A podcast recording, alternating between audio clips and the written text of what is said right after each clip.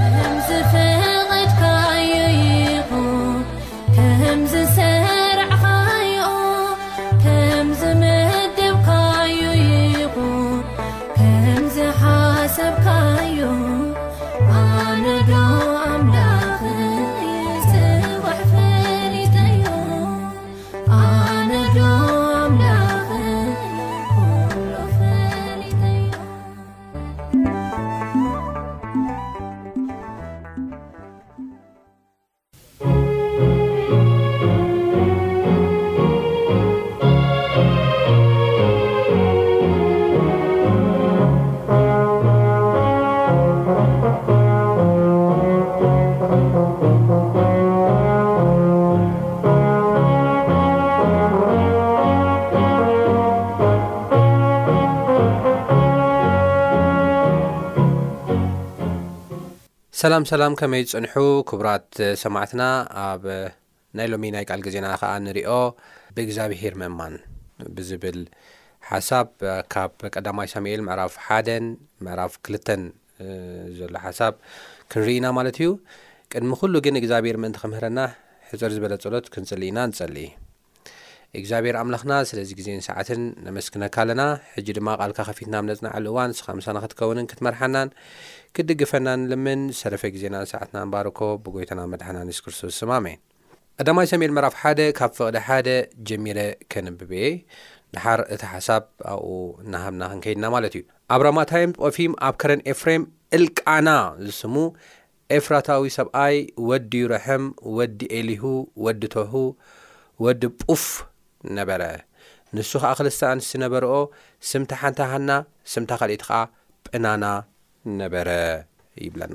ኣብዚ ሰለስተ ሰባት ንርኢ ኣለና፣ እቲ ሓደ እልቃና እዩ፣ እታ ኻልእ ኸኣ ሃና እያ፣ እታ ሳልሰይቲ ኸኣ ጵናና እያ። ናይዞም ሰለስተ ማንነት ንዓና ኣብ ህይወትና ዘምህሩና ዓበይቲ ነገራት ኣለዉ። ስለዚ ህይወቶም ምርኣዩ ኣገዳሲ እዩ ዝኸውን ማለት እዩ። እልቃና ካብ ናይ ሌዋውያን ነገድ እዩ ነይሩ። ሃፍታምን ተጽዕኖ ፈጣርን ሰብ እዩ ነይሩ። ልዕሊ ኹሉ ግን እግዚኣብሄር ዝፈርሕ ሰብ እዩ ነይሩ። እግዛቢሄር ዝፈርሕ ሰብ እግዛቢሄር ዘፍቅር ሰብ እዩ ነሩ ኣነ ብጣዕሚ እዩ ዝገርመኒ ናይ እልቃና ዓመት ዓመት ናብ ሺሎ ክሰግድ ይኸይድ ነሩ ንእግዚኣብሔር መስዋእቲ ክቕርብ ይኸይድ ነሩ ናይ ምስጋና መስዋእቲ ክቕርብ ይኸይድ ነሩ እዚ ንእግዚኣብሔር ዘለዎ ክብሪ ንእግዚኣብሔር ዘለዎ ፍቕሪ ክሳብ ክንደይ ዓሚቕ ከም ዝኾነ ንእግዚኣብሔር ከም ዝፈርሕ ዘርእየና ሓሳብ እዩ ሃፍታምን ተፅዕኖ ዝፈጥርን ክነሱ ነገር ግን ንእግዚኣብሔር ዝፈርሕ እዩ ነይሩ። ኩሉ ካብ እግዚኣብሔር ከም ዝተዋህቦ ዝኣምን ሰብ እዩ ነይሩ እሞ ኣዝዩ ዝገርም ዓይነት ስብእና ዘለዎ ሰብ እዩ እልቃና ማለት። እልቃና ናይ መጀመርያ ሰበይቱ ሃና እያ ነይራ ምክንያቱ ኣብዛ ጽሑፍ እዚኣ ኬድና ኣብ ንርእየሉ እዋን ንሱ ክልተ ኣንስቲ ነበርኦ ምስ በለ ስም እታ ሓንቲ ሃና ወይ ድማ ስም እታ ቀዳመይቲ ማለት እዩ ስም እታ ቀዳመይቲ ሃና እያ ነይራ እታ ቀዳመይቲ ሃና እያ ነይራ ነገር ግን ሃና እግዚኣብሄር ማህጸና ዓጽዩ ስለ ዝነበረ ውላድ ኣይነበሮምን። ሃና ኸኣ ሕጉስቲ ስለ ዘይኰነት እቲ ገዝኦም እውን ሓጐስ ክመልእ ስለ ዘይከኣለ ወላ እሱ ዕጉስ ተዀነ ወላ እሱ ዝርድኣ እንተዀነ ንሱ ኬር ዝገብረላ እኳ እንተዀነ ንሃና ግን ሓጎስ ክመልእ ስለ ዘይከኣለ ምናልባት ኮን ዶ ኾን ብዝብል ኢሉ ብስጋዊ መንገዲ ብስጋዊ ኣተሓሳስብኡ እንደገና ብናና ትበሃል ሰበይቲ ካልኤቲ ከም ዘእተወ ኢና ንርኢ። ኣብዚ ንሓዳሩ ዘለዎ ንሰበይቱ ዘለዎ ኣኽብሮት ዓቢ ምዃኑ ኣዝዩ ንዓና ዘምህረና ትምህርቲ እዩ። ዓቢ ካብዚ ንመሃረሉ ካብ ህልቃና ንመሃረሉ ነገር ኣሎ ኣይገደፋን ንሱ ጥራሕ ዘይኮነ ካብ ሽሎ ሰጊዶም ክመጹ ከለዉ ኩሉ ግዜ ዕጽፊ ውህብቶ እዩ ዝህባ ነይሩ ካብ ኩሎም ዶ ኣነ ኣይበልጸክን ኢሉ የጸናንዓ እዩ ነይሩ ይቐርባ እዩ ነይሩ ኣይርሕቃን እዩ ነይሩ እቲ ሓዘና ክትርስዕ እቲ ጓሂኣ ክትርስዕ እቲ ጭንቀታ ክትርስዕ ኩሉ ግዜ ዝከኣሎ ዝገብር እዩ ነይሩ እዚ ማለት ቃል ኪዶን ዝሕሉ እዩ ነይሩ ንሃና ዝፈትዋ ሰብ እዩ ነይሩ ሓዳር ብፍቕሪ ዝተመልአ ክኸውን ጽቡቕን ሰናይን ናይ እግዚኣብሔር ፍቓድን እዩ። ደሓር ግን እዚ ነገር እዚ ምስ በዝሐ ዓመት ዓመት እውን ተደጋጋሚ ዓይነት ነገራት ምስ ረኣየ ማለት ሃና ኩሉ ግዜ እናበኸየት ክትቅበሎ ሃና ኩሉ ግዜ እናጓየት ክትቅበሎ ምስ ረኣየ ምናልባት ኣብ ገዝኦም ዝጎደለ ሓጎስ ሓንቲ ሰበይቲ ካልእ ብምእታው ክመልኦ ከም ዝፈተነ ኢና ንርኢ ምናልባት ኣብዚ ከም ሰብ ዝተጋገዩ ዓቢ ጌጋ እዩ ኢንፋክት እዚ ጌጋ እዚ እውን ውፅኢ ዝነበሮ እዩ ነይሩ ማለት እዩ እቲ ቀዳማይ ጌጋ ኣብ ገዛ ዘሎ ክፍተት ዝመልእ እግዚኣብሄር እምበር ብስጋዊ ኣተሓሳስባና ዝበጻሕናዮ መደምደምታ ኣይኮነን። ካልእ ሰበይቲ ብምእታው፣ ሃብቲ ብምእካብ፣ ንብረት ብምእካብ ኣይኮነን ገዛና ዘሎ ጸገም ክፍታሕ ዝኽእል ሓጎስናውን ሰላምናውን ፍጹም ክኸውን ዝኽእል። ግን እልቃና ክም ሰብ መሲልዎ ፍናና ከም ዘእተወ እዩ ዝዛረበና። ርግጽ ውጽኢት ነይርዎ ኢለ እየ ቅድም ኢለ። እቲ ውጽኢት እንታይ እዩ ነይሩ? ዓቢ ዝኾነ ግጭት ኣብ መንጎ ፍናናን ኣብ መንጎ ሃናን ከም ተላዕለ ኢና ንርኢ። ፍናና በሳል ሰበይቲ ኣይነበረትን። ጸቢብ እዩ ነይሩ ኣእምሮኣ። ስስዕቲ እያ ነይራ። ቀናእ እያ ነይራ። ካብዚ ዝተላዕለ ኣብ ክንዲ ንሃና ምኽኣል፣ ኣብ ክንዲ ንሃና ምኽባር፣ ንሳ በይና እያ ኢላ ኣብ ክንዲ ንዓኣ ምሕብሓብ ጭራሽ ተብሽቓ ከም ዝነበረት፣ ተኾርያ ከም ዝነበረት፣ ኣነ ውላድ ኣለወኒ እናበለት ተጉህያ ከም ዝነበረት መጽሓፍ ቅዱስ ይዛረበና እዩ ማለት እዩ። ጸቢብ ኣእምሮ ዝነበራ ሰብ እያ ነይራ። በዚ ዝተላዕለ ዓቢ ግጭትን ዓቢ ዘይምስምማዕን ከም ተፈጥረ እዩ ዝዛረበና። ርግጽ እዩ ፍናና ካብ እልቃና ውላድ ነይሮማ እዮም። እግዚኣብሔር ብውላድ ባሪኽዋ እዩ ነገር ግን በሳል ሰበይቲ ኣይነበረትን ኣስተውዓሊት ኣይነበረትን ኢንፋክት ንፍናና ህልቃናውን ዘእትዎ ሃና ብጣዕሚ ይፈትዋ ስለ ዝነበረ ናሃና ምናልባት ውላድ ረኺባዶ ቆልዑት ረኺባዶ ትጸናናዕ ትኸውን ብዝብል ሓሳብ ይመስለኒ ምናልባት ዘይተጻሕፈ ነገር እኳ እንተኾነ ስለዚ በዚ መልክዕ እዚ ህልቃና ነቲ ኣብቲ ገዛ ዝተፈጥረ ግጭት ንኽፈትሕ ይጽዕር እኳ እንተነበረ ነገር ግን ክፈትሕ ከም ዘይከኣለ። ናይ ሃና ጉዳይ ኩሉ ግዜ የተሓሳስቦን የጨንቖን ከም ዝነበረ፣ ሃና ከኣ በቶም ዝተወልዱ ናይ ፍናና ውላድ ከም ዘይተሓጎሰት፣ ጭራሽ ከም ዝጓሃየት፣ ጓሃያ ድማ ዓቢ ከም ዝኾነ እዩ ዝዛረበና ማለት እዩ። እሞ ኣብሺሎ ምስ በልዑን ምስ ሰተዩን ኩሉ ግዜ ክምለሱ ከለዉ ነቲኦም ፍናናን ንደቃን ይህቦም ከም ዝነበረቲ ዝግብኦም ርስቲ ዋጋ ንሃና ከኣ ክልተ ዕጽፊ ይህባ ከም ዝነበረ ኢና ንርኢ እዚ ኩሉ ግን ከም ዘይተሕጎሰሉ እዩ ዝነግረና ማለት እዩ ከምዚ ይንበብ ኣብሲሎም ምስ በልዑን ምስ ሰተዩን ድማ፣ ሃና ተንሰእት፣ ካህን ኤሊ ኸኣ ኣብ ኣፍ ደገ መቕደስ እግዚኣብሄር ኣብ መንበር ኮፍ ኢሉ ነበረ ይብለና። ሕጂ ኩሉ ገዲፋ ናብ እግዚኣብሄር ነገራ ምቕራብ ከም ዝጀመረት፣ ምእዋይ ከም ዝጀመረት፣ ምኽንያቱ እግዚኣብሄር እዩ እቲ ጉዳይና ክፈትሐልና ዝኽእል፣ እግዚኣብሄር ጥራሕ እዩ ንዓና ጸገምና ክፈትሓልና ዝኽእል፣ ሙሉእ ሰላም ክህበና ዝኽእል፣ ፍታሕ ክህበና ዝኽእል እግዚኣብሔር ጥራሕ እዩ ስለዚ ናብ እግዚኣብሔር ቀሪባ እቲ እው ከም ዝጀመረት ክትበኪ ከም ዝጀመረት ኢና ንርኢ እወ እግዚኣብሄር ይኽእል እዩ እልቃና ሃፍታም እዩ ነይሩ ተፅዕኖ ፈጣሪ እዩ ነይሩ ይፈትዋ እዩ ነይሩ ክልተ ዕፅፊ ገንዘብ ሂባ እዩ ነይሩ እዚ ኩሉ ግን ነቲ ዝነበራ ፀገምን ነቲ ዝነበራ ጓሃን ክፈትሓላ ይከኣለ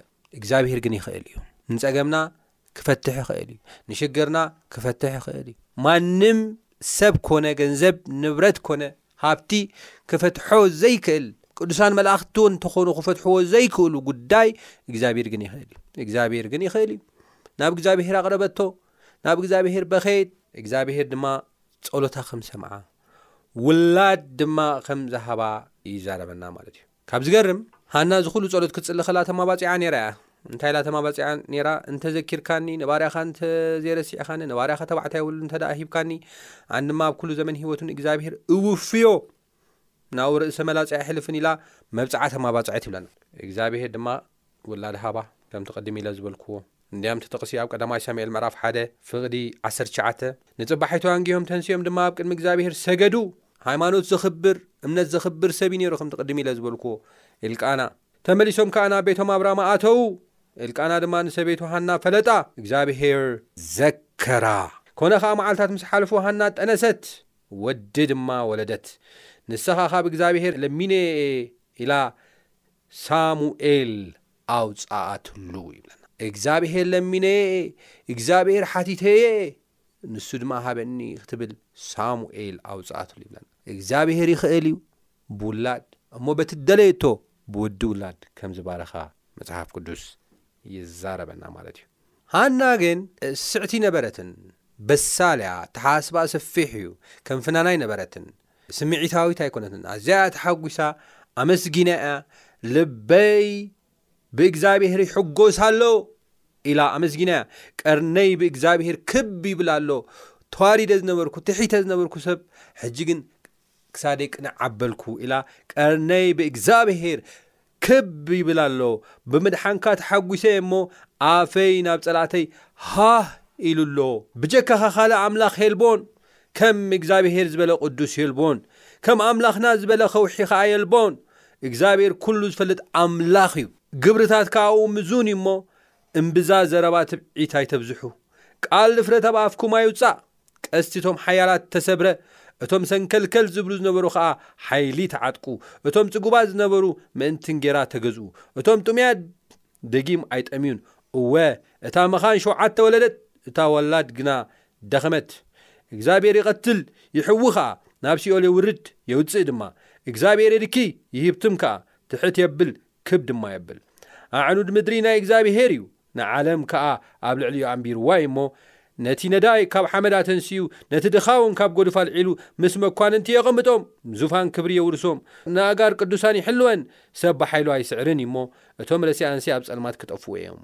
እቶም ንእግዚኣብሄር ዝጻረሩ ስብርብር ይብሉ፣ ኣብ ሰማይ ኰይኑ ኣብ ላዕሊ ይንጐድጕድ፣ እግዚኣብሄር ንወሰናት ምድሪ ይፈርድ፣ ንንጉሱ ድማ ሓይሊ ይህቦ፣ ንቐርኒ መሲሑ ኸኣ ልዕል የብሎ ይብለና።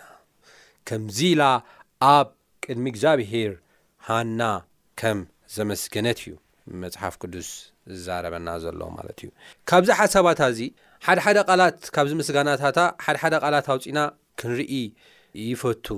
እቲ ቀዳማይ ክንሪኦ ዝደሊ እግዚኣብሄር ኩሉ ዝፈልጥ ኣምላኽ እዩ። እዚኣ እያ እቲ ናይ መጀመርያ። እግዚኣብሄር ኩሉ ዝፈልጥ ኣምላኽ እዩ ግብርታትካ ኣብኡ ምዙን እዩ። ማንም ሰብ ጉዳይካ ከይርድኣልካ ይኽእል እዩ።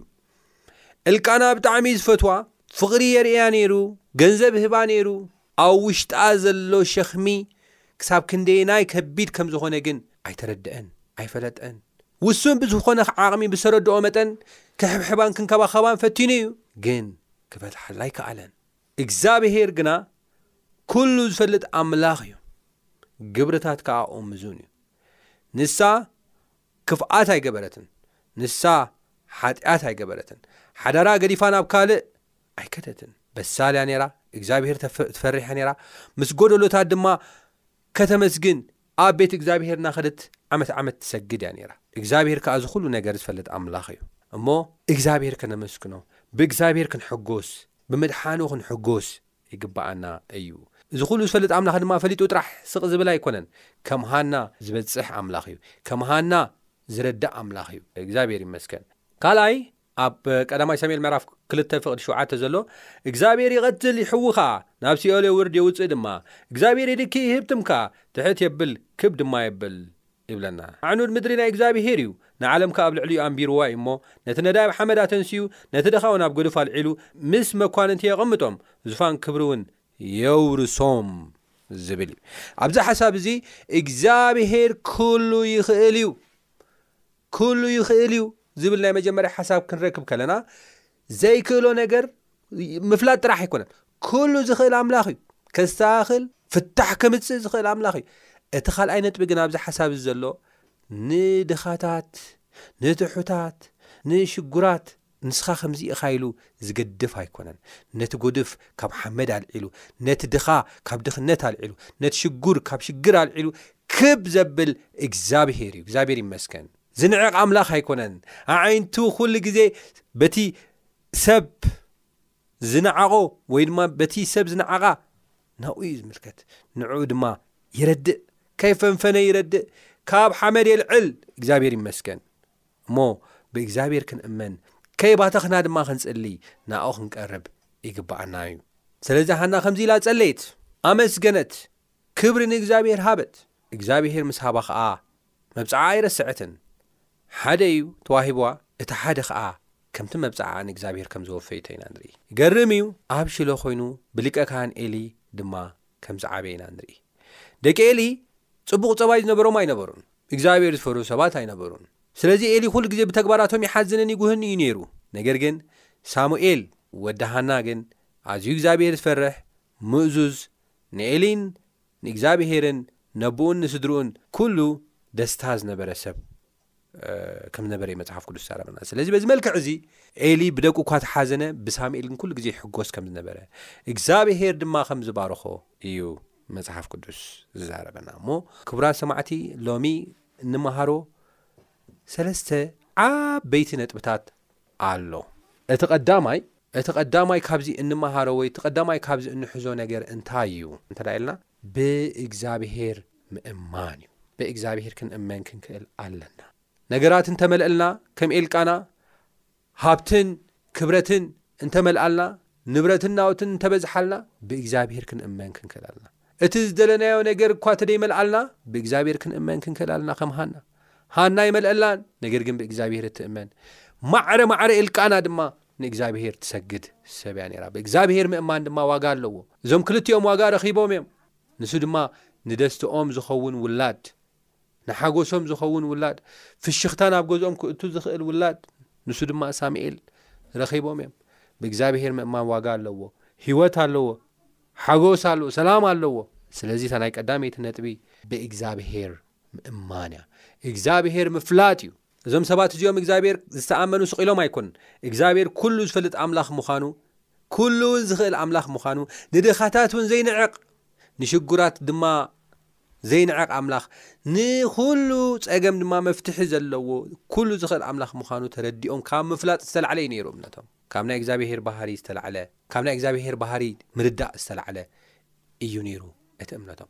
እዚ እምነት ድማ ከም ዝባረኾም ኢና ንርኢ ማለት እዩ ካልኣይ ክንርድኦ ዘለና እግዚኣብሄር ብግዜ ዝሰርሕ ኣምላኽ እዩ እግዚኣብሄር ብግዜ ዝሰርሕ ኣምላኽ እዩ እግዚኣብሄር ኣብ ህይወትና ዝገብሮ ነገር ኩሉ ንዕላማ እዩ ኣብዚ ሓሳብ እዚ እግዚኣብሄር ማህፀና ዓፅዩ ክነሱስ ይብለና ስለዚ እግዚኣብሄር ንምንታይ ከምኡ ከም ዝገበረ ንሱ ባዕሉ ዝፈለጥ ጎይታ እዩ ግን ሰናይ ከም ዝዀነ ኻብ ጽሑፍ ንርድኦ ኢና።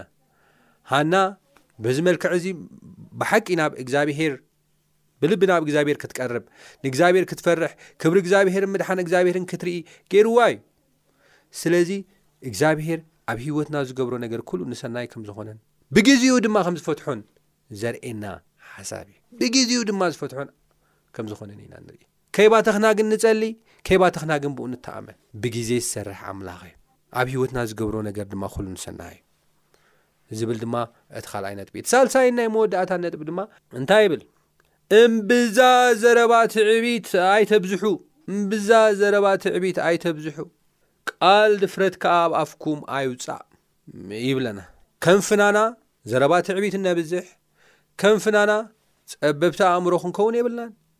ንዝተሸገሩ ሽጉራት፣ ንዝሓሙ ሕሙማት፣ ጭንቀት ንዘለዎም ከነጸናንዖምን ክንድግፎምን ከም ህልቃና እምበር ከም ፍናና እንጎድኦም ዘረባ እነብዝሕ ክንከውን የብልናን። ምክንያቱ እዚ እግዚኣብሔር ኣየኸብርን እዩ፣ ንዓና እውን ኣየሕጉስን። ምክንያቱ ኣብዚ ሓሳብ እዚ ከይና ክንርኢ ከለና ደቂ ፍናና ኣብ ብጽቡቅ ገይሮም ዓብዮም ነቢያት ኮይኖም ዓብዮም ኣይብለናን እዩ። ደቂ ሃና ግን ዓበይቲ ሰባት ከም ዝኾኑ እዩ ዝነግረና።